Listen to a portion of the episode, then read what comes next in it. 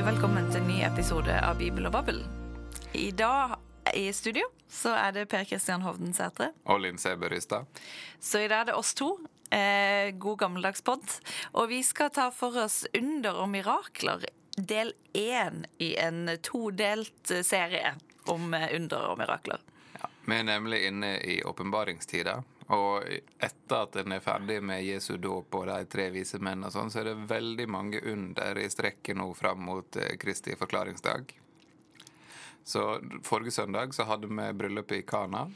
Og søndag som kommer, når vi spiller inn dette her, da er det Bartimeus, den blinde mannen. Vi kommer rett fra kapellet der de preiker over den i dag. Eh, og så neste søndag igjen, eh, da er det altså den lamme i Kapernaum i Markus 2, 1-12. Og det er den teksten vi skal fokusere på i dag. En eh, tekst som mange har eh, brukt mye, også i trosopplæring. Av gode grunner. Eh, det er en tekst om en helbredelse. Den lammen som blir båren av fire andre til Jesus. Og Derfor snakker vi om helbredelsesunder og sånn i dag. Det er jo en annen type under i evangelia. Naturundere. Det skal vi snakke om i del to av denne dobbeltepisoden. Hilde Brekke Møller kommer hit, og vi skal lage en episode om Matteus 14, om Jesus som går på vannet. Men det blir neste episode. Så da er det helbredelse av fysiske ting i dag, og så er det gå på vannet neste gang. Nemlig. Og vi skal prøve å skjerpe oss litt og være litt strukturerte i dag. Til glede for alle som hører på, satser vi på. Eh, så vi tenker å gå gjennom teksten. Veldig tekstnært, eh, narrativt. Og så eh, trekke fram tema og karakterer som kan brukes i forkynnelsen. Og prøve å pushe oss sjøl så langt vi overhodet kan på å si dette her går det an å preke over. Sant? Og Vi tar én og en bit, og så sier vi hvordan kan den brukes i ei preike. Og det første vi tek, Da, da tar vi karakterene i fortellinga først. Eh, og da er jo kanskje den mest framtredende karakteren her, det er jo den, han som bare blir kalt Den lamme. Ja, og der, eh, når vi har forberedt oss, så eh, kom jeg på min egen fordom her. fordi at jeg har alltid prekt over og sett på den lamme som eh, hjelpeløs, passiv. Eh, nesten en som ikke kan tenke sjøl engang. Eh, fordi at eh, Jeg vet ikke hvorfor, men det har liksom bare Han er den passive. Han blir båret, han blir eh, tatt vare på. Han har liksom ikke noe egen handlekraft når jeg har sett for meg fortellinga. Nei, og Jesus tiltaler han som et barn. Og han snakker aldri sjøl. Han får bare beskjed om hva han skal gjøre. Han blir passivt båren til Jesus, og så får han beskjed om at syndene hans er tilgitt, og så får han beskjed om at han skal reise seg og ta båra si og gå, og så gjør han det. Så det er kanskje ikke så rart at han har oppfatta han som passiv, da? Nei, og det er klart at da, Men da må man si noe også om disse her fire som bærer han. For det er jo en sånn, en sånn tydelig og veldig sånn uh, grafisk del av uh, dine tekster. Ja, og der eh, tror jeg jo det er mange med meg som alltid har tenkt at det står at det er fire venner som bærer han. Men det gjør det jo ikke. Det står veldig lite om disse, om disse fire som bærer. Altså det står jo altså Hvis jeg skal, hvis jeg skal ta vers tre, da Eh, og oversette, oversette helt bokstavelig, så, så, står det at Og de kom bærende de, de kom til Jesus bærende på en lam som var båren av fire. Så disse her fire som bærer, blir underordna ganske voldsomt. At det er, her, det er den lamme, og det er Jesus som blir framheva. Ehm, så hvis så vet ikke hvem de er, og jeg vet iallfall ikke at de er venner av denne mannen. Så kan det, Vi burde jo ha sjekka det her, altså, men kan det være at det står i noe barnebibel at det er venner? At det snek seg inn i vår allmenne oppfattelse av teksten sånn? Det er det helt sikkert. Um, og så, det, så har vi, når vi har forberedt oss nå, så har vi funnet ei bok av Rebekka Solvåg. Hun er professor på VID i Stavanger. Uh, hun har skrevet en bok som heter 'Negotiating the Disabled Body'. Der hun skriver om funksjonshemma og deres plass og den funksjonen de har i tekstene i Nytestamentet. Uh, og der skriver hun jo at det, at det er ganske usannsynlig at disse her fire er venner av mannen. Eh, Iallfall hvis, hvis du legger vennskap, den antikke forståinga av vennskap til grunn. For der er jo venner Det er jo frie, voksne menn som er venner, som gir hverandre gave og yter tjeneste i et sånt gjensidig forhold. Så det forutsetter utveksling, eh, og at de låner hverandres ære. og det det er veldig sånn fellesskap mellom like menn. Men det er klart når du da har denne her lamme som ikke er i stand til å være like mann, og som ikke kan gi tilbake, så er det sånn, vil han da ha noen sånne venner som er knytt bare gjennom en vennskapsrelasjon til å bære han? Det er ikke helt sikkert det er sånn det fungerte. Og det uh, Rebekka, som for som forresten kommer hit og skal være med i en av påskeepisodene våre i mars, ja, det hun sier, er jo at dette her kan jo være slavene til mannen. Ja, det er jo eh, kjempe det, det, det snur jo fortellinga opp ned på hodet, for min del i hvert fall. Fordi at eh, veldig ofte når vi forteller disse bibelske fortellingene, så er det en sånn glidende overgang inn i vår kultur. Ja, at vi bare tenker ja, men selvfølgelig de har venner akkurat sånn som vi har venner. Eh, men hvis disse fire folkene blir slaver istedenfor, så er det liksom et eller annet sånn lag som vi kanskje ikke helt forstår, eller ikke helt har eh, I hvert fall ofte ikke tar med oss da, dette, at ja, men dette her var et samfunn der det var slaver. De var kanskje ikke like i det hele tatt. Det kan være den rike mannen har beordra de til å bære han rundt. It's? Eller rike, sier jeg nå. Fordi at nå så jeg for meg at han var rik. Ja, rik nok til å ha fire slaver. Altså sånn over middels, da. Men, eh, men det er klart at det er mange ting som gjør at vi glemmer den delen. At vi snakka i det første århundret om et slavesamfunn, og at slaver er grunnsteinen i hele det økonomiske systemet. Men det forsvinner i våre bibeltekster, annet fordi at en konsekvent oversetter ordet dolos, som betyr slave, med tjener. Så nesten alle plassene der det står tjener i den norske bibelen, så kan du oversette tilbake med slave. Da, men, men, men, men vi unngår å gjøre det. Det, det er jo en svær diskusjon da, hvorfor en gjør det eller ikke. Men jeg tenker at for å få et nytt blikk på denne teksten, og få et nytt blikk på den blinde mannen, så det kan det jo hjelpe oss med. Ja. Og kanskje preke annerledes om det enn å falle inn i en sånn eh, modell som kanskje, som jeg vet at jeg har falt inn i mange ganger, og snakke om hvor godt jeg har gode venner som hjelper en, osv. ja, og det er jo fint å ha tekster der du kan snakke om vennskap. Definitivt. Eh, En annen ting, en annen ting som, eh, som kanskje kan underbygge Rebekka Solvåg sitt argument her, er jo at det ordet som er brukt om den lamme her, er paralytikos. Det er for så vidt det samme ordet som en har engelsk paralytic, som er det vanlige ordet for lam. Eh, men det kommer av et ord som Det sier et eller annet om en skade. Altså det har skjedd et eller annet. Altså han her, kan hende at denne mannen her ikke kan gå pga. et eller annet som ganske nylig har skjedd. Så han er midt i ei krise, han har en skade som har tatt han ut av det livet han har brukt å leve. Eh, og da går han til Jesus, eller da får han noen til å bære seg til Jesus. Det kan være slaver, det kan være familiemedlemmer, det gir også mening, men eh, i antikke begrep så er venner en litt vanskelig kategori. Men han får iallfall noen til å bære seg til Jesus, og det gjør jo at dette her blir en mann som kanskje minner mer om Jairus, eh, synagogeforstanderen som kommer til Jesus, om den romerske offiseren, om en del andre sånne høyerestående høyere stående personer som kommer til Jesus for å be om helbredelse. Og ikke sånn som Bartimeus, da, som er tigger og sitter ved veien, eller den dama som rører over Jesus sin kappe, og så kjenner han at en kraft går ut av den. Så de prøver jo å De er jo lave på rangstigen. Ikke sant? Og Bartimeus han sitter jo i veikanten og roper. Og de som, andre som er der, ber jo han være stille, for han skal liksom ikke krenke dette her statushierarkiet. Så han, Bartimeus har jo i høyeste grad eh, handlekraft, men han bryter med dette systemet med status. Eh, og den karaneiske kvinna hun tør jo ikke engang tiltale Jesus. Fordi hun er så lavt på status. Eh, eh, mens denne lammet er kanskje en annen plass. Og det er jo eh, da et nytt perspektiv. Ikke sant? Eh, og det er også det at når denne lamme kommer til Jesus, så er det jo fullt der Jesus er. Det står at Jesus er i huset. Eller Ja, de bar han ikke opp på taket for gøy. Nei, altså Jesus er i huset. Jesus er hjemme. Eh, mange mener at det er da Peters hus, sånn som det er beskrevet i kapittel 1.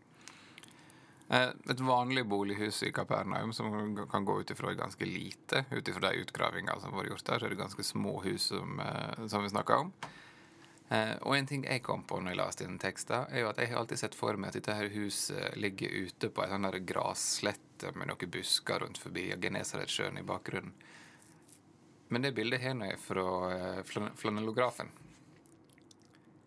For dette her er jo en, et hus inne i byen, og der er trangt, og der er ei trang gate utafor. Altså, det står jo at det var ikke plass til folk. Det var samla seg så mange folk at det var ikke plass til dem inne, og heller ikke framfor døra. Og framfor døra der er ikke så mye plass i ei sånn trang gate i en, eh, i en landsby rundt eh, Middelhavet. Men uh... Og jeg, her kommer alle våre assosiasjoner med teksten, men jeg har jo alltid sett for meg at det var liksom 500 000 mennesker. Og det kan det jo ikke ha vært i et bitte lite hus. Nei, altså dette her er et overfylt husmøte. Altså Det er det som blir beskrevet her. Uh... Og da må jo eh, det være desto mer interessant at det faktisk eh, kommer noen gjennom taket. Ikke sant? Og det er, jo, det er jo beskrevet i ganske dramatiske ordelag når de kom gjennom taket. Altså de avtaka taket, for å oversette det greske uttrykket. Og så grov de seg gjennom, eh, er det verbet som er brukt, før de, og, før de senka båra med den lamme på. Eh, sånn at hvis vi ser for oss et lite hus, det er fullt av folk, og så begynner noen å trenge igjennom da, det leirelaget som lå øverst, og så kvistlaget som lå underst, og så laga et hull mellom bjelkene og senka denne båra ned. Jeg vet ikke hvor lett det var for Jesus å fortsette å undervise der inne mens dette her foregikk. Altså, Da måtte han ha vært veldig i sona, tror jeg. Det kan det jo være han var. Men det må jo ha bråka. Altså, folk må jo ha lurt på hva som har skjedd. Så, kontrasten til den kanadiske kvinna kan på en måte ikke bli større, da. Når du har denne her mannen og disse her fire hjelperne som bråker så voldsomt. Ta mye plass, da. Han tar mye plass. Eh, og det er spørsmålet Vitner dette her om en sjøltillit? Vitner det om noen som eh, Ja, OK, greit nok om denne her folkemengda ikke får hørt så mye, men nå, men nå er det jeg som skal fram. Eller desperasjon. Eller desperasjon. Eh, så her er mange ting som kan sies om dette her, men jeg tror egentlig at når en, preiker over denne teksten her og prøver å få fram at denne mannen her er jo sannsynligvis ganske handlekraftig. Uh, og de han er sammen med, naturligvis. Ja, og så står det jo noe om troa disse, som jeg også tenker at det går an å bruke i, en, i, i forkynnelse til barn og unge, og til voksne, for så vidt. Men at de Troa disse består jo av å gjøre denne her tingen, egentlig. De tror, håper kanskje, at eh, Jesus kan helbrede denne mannen. Så derfor så river de opp taket og graver seg gjennom og senker han ned. Eh, det er jo, kan være fint å høre at tro ikke bare sitter i hodet, men at det sitter i noe en kan gjøre. Det er handlinger. Men også denne her eh, tilliten eller håpet som ligger i det. Altså at de ikke tror nødvendigvis er noe sånn Enten så har man det, eller så har man det ikke. Men de håper at Jesus kan gjøre noe med det, og så altså, er de villige til å gjøre ganske mye for å sjekke om kanskje det håpet stemmer. Ja, for det, det er iallfall en tekst som ikke handler om noen slags form for intellektuell tru, eller sånn der du må kjøpe denne pakken her med alle disse meningene her, sånn, for det er en ganske annen type um, For det er også tidlig i Markusevangeliet. Altså dette her i kapittel to. Altså I kapittel én så har Jesus, eller Johannes døperen har snakka om Jesus. Jesus er døypt. Jesus har helbreda. Jesus har forkynt med myndighet. Eh, Så alle de tingene er egentlig kjent. Og det er jo grunnen for at også begynner ryktet å gå. Og det er jo grunnen til at disse folka kommer til Jesus i det hele tatt. Ja, for de må ha hørt noe om at han her helbreder folk. Ja, Så de har et håp. Men det er egentlig alt som kan sies. Og det er det som driver Jesus til å handle helt først her. Det er at han ser trua deres. Og det er forresten et spørsmål om den trua deres, om det inkluderer han på båra eller ikke.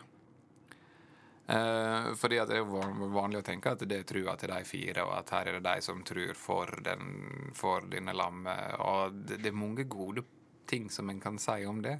Mm. Eh, og hvis en følger sånn normal, eh, normal, gresk grammatikk, så er det trua til de fire det er snakk om. For det er de som er handlende subjekt i den setninga før. Samtidig så er jo den femte på båra nevnt.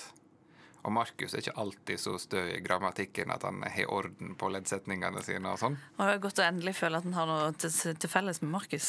Ja, det er mye rart til felles med Markus. Og, og, det er en sånn der greie at bibeltekstene blir ofte rettere i oversettelse enn, i, enn, enn på gresk, fordi at en tenker at det må være bra, dette er i hellig skrift, det må naturligvis være, være fullkomment grammatisk. Men det er ikke det nødvendigvis. Men hvis en følger den normale grammatikken, da så er det de fire det er snakk om. Men det kan også være mm. den lamme som er en av dem. Ja, for jeg er ganske sikker på at jeg har holdt en preken om at eh, når, ikke, når, vi ikke tror sjøl, så kan kanskje noen andre bære oss og troa vår. Ja, og en kan godt be du, har ikke, du har ikke full dekning i teksten, men, eh, men jeg tenker det er fortsatt et godt poeng. Ja, og så er det jo sånn at vi bygger eh, videre på teksten ofte når vi preker. Og tolker på nytt og eh, tolker inn eh, leser med våre øyne og ja. ja. Ja, det må, og det må kunne gå an. Men jeg tenker at det er greit i en sånn prosess at en veit hva, hva, er det som er i tekster, eh, og hva er det vi legger til sjøl. Jeg tenker sånn, Veldig mye sånn fortellingsmetodikk så utbroderer en jo tekster og legger til og tenker videre. og Det, det, det er helt legitimt. Altså, Det har på en måte Kirka gjort til alle tider. Men eh, det er jo en av eh, hovedpoengene med vår pod, at en skal vite hva han gjør, og hvorfor han gjør det. Mm. Eh, så da kan vi gå videre til å snakke litt om Jesus i dine tekster. Hva, hva slags bilde av Jesus finner vi egentlig her? Altså, Jeg har vel også ofte oppfatta Jesus som litt passiv i den teksten, men det er han jo ikke egentlig. Han tar jo initiativ til å han hører hva de tenker, disse skriftlærde, selv om de ikke sier noe høyt. De tenker inn i hjertet sitt, som jo også er spennende. Eh, og så sier han til dem 'Jeg vet hva dere tenker på for noe', og derfor så kan denne her sier at syndene er tilgitt, og han kan ta båra si og gå. Ja, og der er noen altså For der er jo Dette her er jo gjort til en slags sånn offentlig eller halvoffentlig eh, hendelse. Altså der er folk til stades, eh, ganske mange. Eh, og så er det også disse her skriftlærde som sitter der. Tenk at Hvis dette her rommet er så fullt som Markus vil ha det til, og der står folk ute på gata, og det er mange som er ståplass, og så står det at de sitter, da har de en eller annen form for sånn der æresplass, eller de kommet tidlig, eller det er et poeng at de er der, eller um, Og likevel så utfordrer Jesus dem. I, i offentlig. Altså I motsetning til sånn eh, Nikodemus og Jesus, der, så, der gikk stille for seg, og der var ikke vitner og sånn. Snik seg rundt i natta, ja. Men her, dette her skjer offentlig, og det er klart at når og de skriftlærde utfordrer ikke Jesus. I mange andre fortellinger så gjør de, de kommer mm. til Jesus først med et spørsmål, eller på en måte de har en slags, eh, har en slags intellektuell nøtt som Jesus skal eh, løse, eller de feller for å sette ham fast. Men her sitter de bare og tenker, og er kritisk. Og det blir jo mye mer kritisk utover i kapittel to og til slutt i kapittel tre. Men, men det, eh, det er Jesus som tar ordet først og utfordrer dem. Og da er det sånn i en æreskultur at da må de svare, og da må de svare godt. For å på en måte bevare ansikt.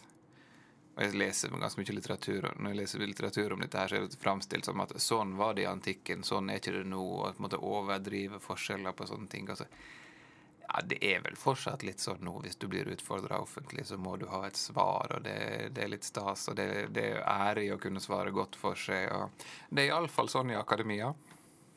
Definitivt. Og, og har, Jesus har jo gjort noe som gjør at de får altså, Jesus sier jo først 'Sønnen din synder er deg tilgitt', og så tenker de.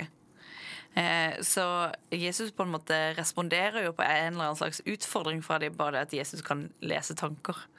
Ja og, er, ja, og det er, litt sånn Og det er kanskje det mest sånn eh, Det mest sånn mirakuløse som Jesus gjør her, er jo Altså, det mest sånn overnaturlige er jo her, at, han nest, at han blir framstilt som en slags tankeleser.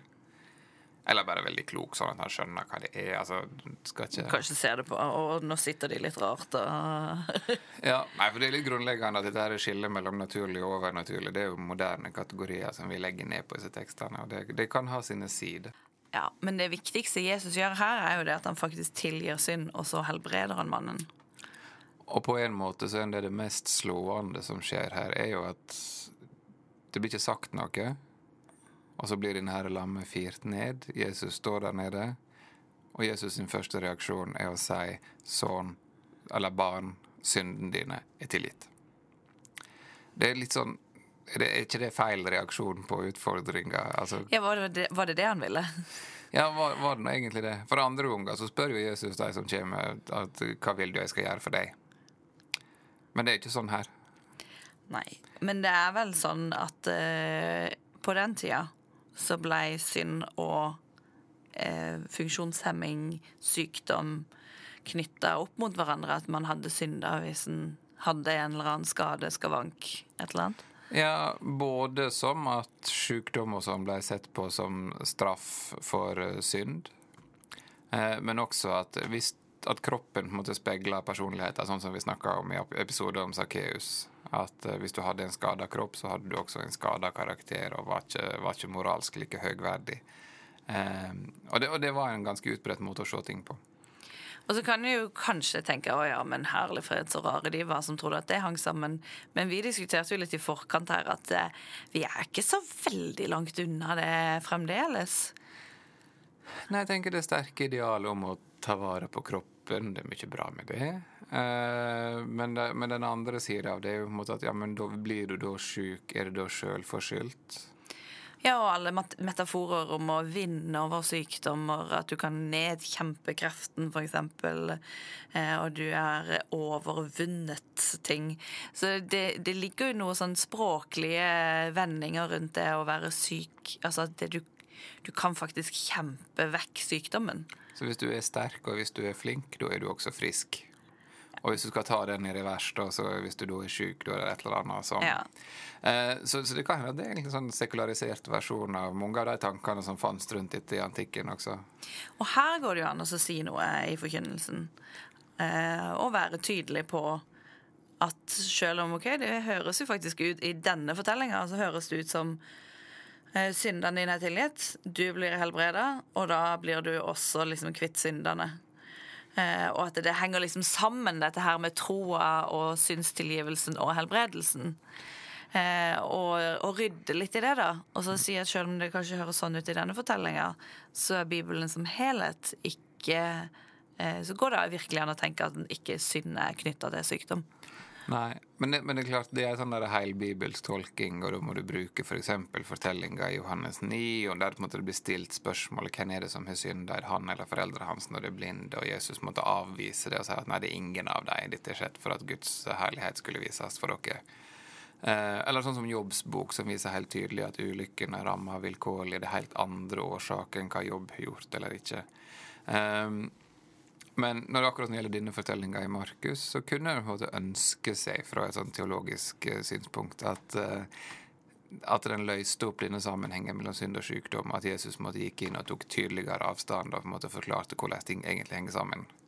For denne fortellinga isolert sett, og jeg tror kanskje også Markus som helhet, utfordrer ikke den linken. Men der har du jo en preken. Du kan jo bare si det. ja, du, du, kan kanskje det. Men kanskje ikke til barn og ungdom. Ja, til ungdom kunne du nok ha gjort det. Ja. At uh, du kunne hatt en sånn motlesning av teksten. At jeg skulle ønske at den akkurat denne teksten At Jesus hadde vært tydeligere, at han hadde avvist uh, denne koblinga. Uh, ja, men han gjør det andre steder. For det blir, det blir en slags parallell til f.eks. slaveri, da som er en forutsetning i så mange bibeltekster, og så veldig veldig sjelden blir problematisert, og egentlig aldri avvist. Mens eh, de fleste moderne teologer vil måte avvise det på grunnlag av bibeltekster. Men du finner ikke én en enkelt bibeltekst som sier at slaveri er feil. Eh, der er en tolkningsprosess som ligger etter det. Og jeg tenker at det gjelder også på sånne ting som synd og sykdom her. At ja, det ser ut som Markus kobler det ganske tett, men eh, en større, en større tolkning gjør at kristen teologi enda en annen plass. da. Så Jesus som karakter, da?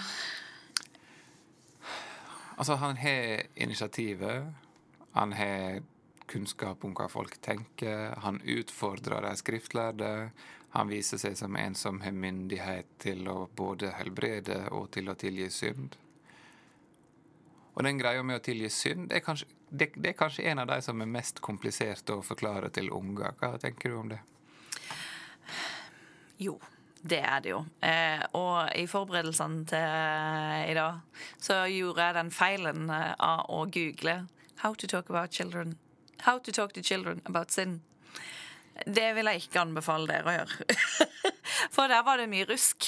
Jeg fikk, jeg fikk, et par av de linkene. Det var ganske gresselig, men ja. Ja, for, eh, fordi at det er Det skal liksom ikke veldig mye til før du dumper ut i et eller annet sånn eh, Sammenligning der synd blir noe skittent med en gang, eller der synd blir alltid personlig. Eh, så Og synd er jo ikke bare de gale tingene vi gjør. Eh, hvis, I hvert fall hvis en skal ha med litt sånn arvesynstankegang og lutter, lutherske arvesynd og sånn. Så eh, synd er jo på en måte veldig vanskelig. For det kan være masse, det kan være abstrakt, og det kan være vanskelig å snakke om. Og kanskje vi i større grad enn vi som har vokst opp i sånn type kristne sammenhenger, enn noen av disse barna som kommer i trosopplæring, har med oss et eller annet sånn bagasje på synsforkynnelse. Det er det ikke sikkert de barna har, så det er jo noe å prøve å liksom, tenke litt gjennom. Jeg er veldig redd for å snakke om dette fordi at jeg sjøl har opplevd forkynnelse som jeg ikke likte. Og derfor så klarer jeg ikke snakke om det. Eh, og da hopper man over et eller annet som hvis de noen gang leser i Bibelen eller leser om kristne, så kommer de over ordet synd. Så derfor er det jo viktig å si noe om det. Så jeg tenker at det går jo an å si at synd er definitivt noe av de gale tingene vi gjør, men ikke stoppe der, da. Og ta med eh, Faktisk snakke til ungene om litt arvesynslære. Men hvordan man gjør det på en god måte, men å si et eller annet om at vi alle er både gode og onde At det er ikke sånn at uh, du kan uh, gjøre det helt uh, perfekt, eksempel. At at det kan ligge noe der. Ja, for jeg tenker at det er jo, det er flere grøfter. sant? For Hvis du skal ha en veldig sånn her abstrakt synsforståelse, at det er synd er det som bryter ned, og det er vanskelig å si akkurat Det som skiller oss fra Gud og Ja, og, men, altså at, men, at, du ikke vil si på en måte at det og det er synd, og det er mange grunner til å ikke si det, sant? Mm. Eh, kanskje en ikke skal gjøre det teologisk. Jeg husker Arnfinn Haram avviste en gang å definere synd i en debatt, for han sa at ja, men det skal vi ta i skriftstolen. Mm. Og vil ikke gi noen generell definisjon i det hele tatt. Men klart at pedagogisk så er det ganske vanskelig. For ja. at Det er ikke noe konkret. Det er ikke noe sånn det eller det. Men det, det, andre, og det var jo i noen av de nettsidene du sendte meg, så ble det jo sånn at når ungene er uskikkelige, da synder de. Ja, og det tenker jeg, det må man bare kutte. Det er ikke sånn det er. Eh, og eh, men jeg er en av de som faktisk liker litt den arvesynstanken. At eh, Ikke nødvendigvis at det er sånn ja, men Adam som var et historisk menneskesynd, og derfor så har vi alle synd. Altså Ikke sånn, ikke den tankegangen, men at det fins et eller annet som skiller oss fra Gud, og som gjør at vi opplever både gode og onde ting. At vi er gode og onde. Og at vi hele tida kjemper mellom disse her to tingene. Eh, og der er det jo masse barnelitteratur, f.eks. Det går an å bruke. Eh, men eh, det er ikke noe lett tema. Ja, for Jeg begynner å tenke på en av de tingene som faktisk linker synstilgivelsen eh, og helbredelsen. Eh, vi skal snakke mer om, eh, om helbredelse under i neste episode, og hvordan en kan forstå det.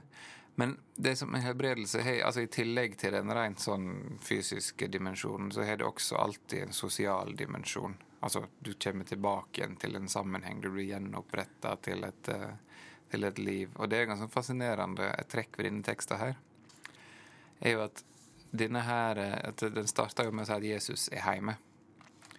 Og så er denne her lamme. Han er jo ikke hjemme, han kommer til Jesus. Vi veit ikke hvor han kommer ifra. Eh, og så kommer de nærmere Jesus, og det Jesus sier, er at da, da tilgir han syndene hans. Og så ber han, seg, ber han å reise seg opp, og til å gå hjem igjen. Gå tilbake til huset ditt, gå tilbake til familien din. Fordi det er også effekt av helbredelsene, at du blir tatt inn igjen i det sosiale fellesskapet. Mm. Og det er på en måte likhet mellom helbredelse og synstilgivelse, at du gjenoppretter relasjoner. Eh, og jeg tenker at og det tenker jeg at Der, der har du en del du kan snakke som kan være gjenkjennelig også for unger, i det å på en måte forlate et fellesskap, det å ikke våge å si noe, det å Den ødeleggende sida ved å ha gjort noe galt. da. Ja, og så tror jeg òg, hvis en tenker på synd da i mer sånn fellesmenneskelig karakter, så er det jo noe alle kjenner seg igjen i. At jeg gjør ikke alltid Altså, det er et eller annet i meg som gjør at jeg ikke alltid klarer å være eh, sånn som jeg kanskje ønsker å være. Eh, og at noen ganger så skjer det noe i relasjoner som gjør at de ødelegges. Altså, alt dette her har både barn og ungdom masse erfaring med. Mm. Eh, så sånn sett så tror jeg at det er såpass allment en så, såpass allmenn følelse å ha kjent på noe som mange, eh, mange kanskje ikke ville kalt synd sjøl, men som, som, da en kristen tradisjon kan kalle synd. Men det som kanskje likevel er ganske fjernt, og da er vi på dagens siste tema, det er jo da konflikter i dine tekster. Fordi at på mange måter så er jo denne, her, denne helbredelsen er jo bare et eksempel. Den er jo bare en del av ramma rundt fortellinga som egentlig er konflikter mellom Jesus og de skriftlærde der det foregår. Um, og, eh, og, der er jo spørsmålet hvem kan tilgi synd? Mm. Og da er det en sånn teologisk diskusjon. Uh, da er det klart Uavhengig av den, den lamme mannen? Ganske uavhengig av den lamme mannen. Det foregår på et litt annet nivå. Eh, og der har det jo snakka om at de skriftlærde forsvarer på en måte en tempelinstitusjon. Det er i tempelet der en går for å ofre, og så får en tilgitt syndene sine eh, ved en viss type offer. ja. Eh, og de forsvarer den bestående orden, og Jesus utfordrer den. I tillegg til at han måte, går inn i den rolla at han kan tilgi synd. Som da Det er bare én som kan det, og det er Gud, sier de skriftlærde. Mm. Uh, så spørsmålet er hvordan skal du måte, kommunisere den konflikten? For det er kanskje litt vanskelig å forstå akkurat hva de krangler om. Ja, og gjøre det uten at det blir antisemittisk med disse forferdelige jødiske skriftlærde og mot den fantastiske Jesus. Ikke sant? For det der er det noe med at Og det, det har jeg tenkt en del på gjennom mange av disse episodene vi har laga, og vi skal la, lage en episode om antisemittisme om ikke så lenge, eh, er jo at når en skal gjenfortelle disse fortellingene, så griper en jo etter konflikter. Der det brenner, der du har folk som står mot hverandre. Det gir gode fortellinger. Det gir kjempegode fortellinger. Og gode prekener. Og veldig ofte så er jo disse konfliktene i evangeliet mellom Jesus og fariseere eller skriftlærde, og noen som vi leser og representerer jødedommen. Og at det veldig fort blir en sånn der jødedom mot kristendom som i to størrelser som altså Ingen av dem mm. fantes i det første århundret. Det var jo på en måte eh, Det vi kaller jødedom og kristendom, det kommer mye seinere. Mm. Eh, og det er mye mer flytende overganger og mer større gråsoner. Og, og likevel så leser vi det inn. Vi har 2000 års historie med fordommer eh, og stygge stereotypier. Og hvis vi nå på en måte sier at disse skriftlærde, de som ikke skjønner noe som helst, de er dumme, og de gjør det Altså, det kan være så farlig å snakke sånn. Men eh, det som du har nevnt tidligere i dag, da, er, kanskje vi kan bruke det at det er helt, helt, i begynnelsen, det her. Det er ikke noen etablerte grupperinger. Det er eh, Jesus er relativt ukjent. Eh, det er en teologisk diskusjon mellom folk som er uenige.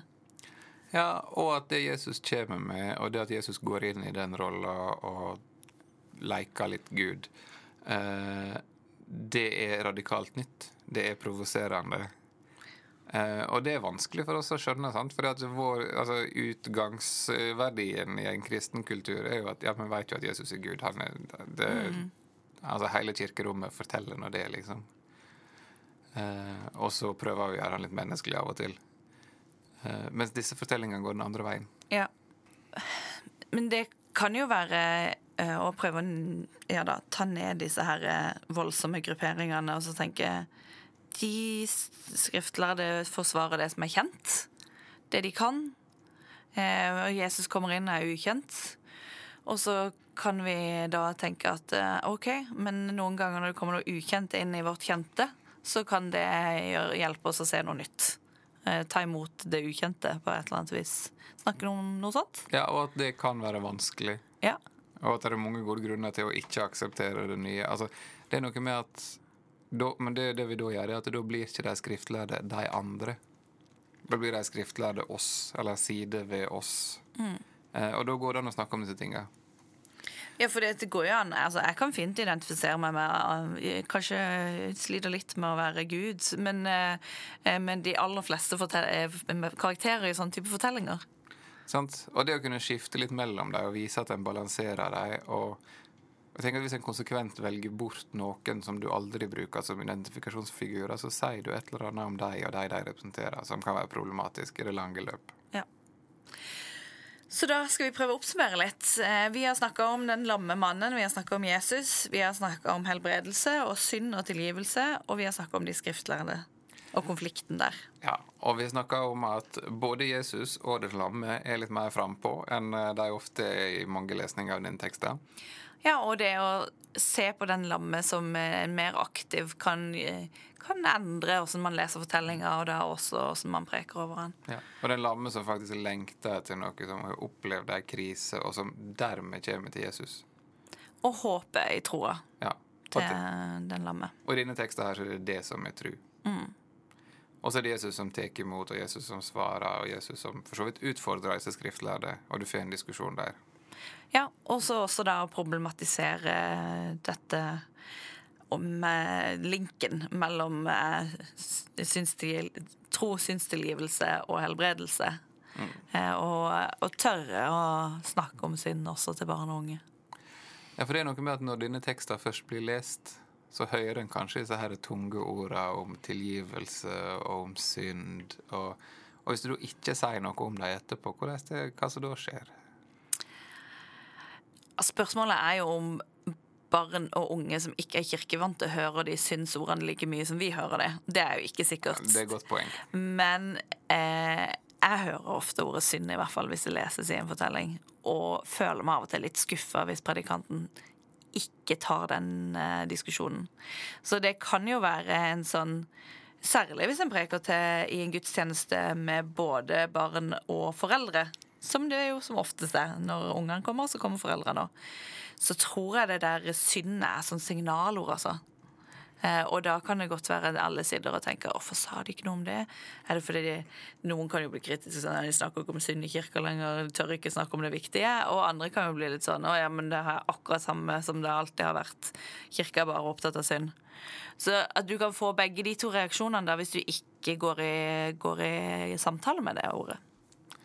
Samtale. Så nå har vi da henta opp en masse element, og så har vi sagt noe om at det er lurt å si noe om synd, og så har vi Det ble jo en lang episode av podkasten vår. Vi nærmer oss 40 minutter. Uh, og eh, det er klart Det er mange ting til ei preike. Du trenger ikke ha alle disse i én. Nei. Men ta noen av dem, eh, og så prøve å si kan, ja, Utfordringa føler kanskje være noe å si noe om denne synsbiten av teksten, og ikke hoppe over den da hvis den blir lest. Det, er en, eh, det er en god utfordring å komme med. Og så uh, får vi vel gå ut Burde egentlig gått og preika sjøl, for det er, ikke, det er ikke bare lett, dette her, altså. Det er ikke det, men det er fryktelig gøy. Så vi ønsker dere alle sammen lykke til neste helg, eh, og så snakkes vi i en ny episode om under og mirakel neste uke. Ha det bra. Ha det godt.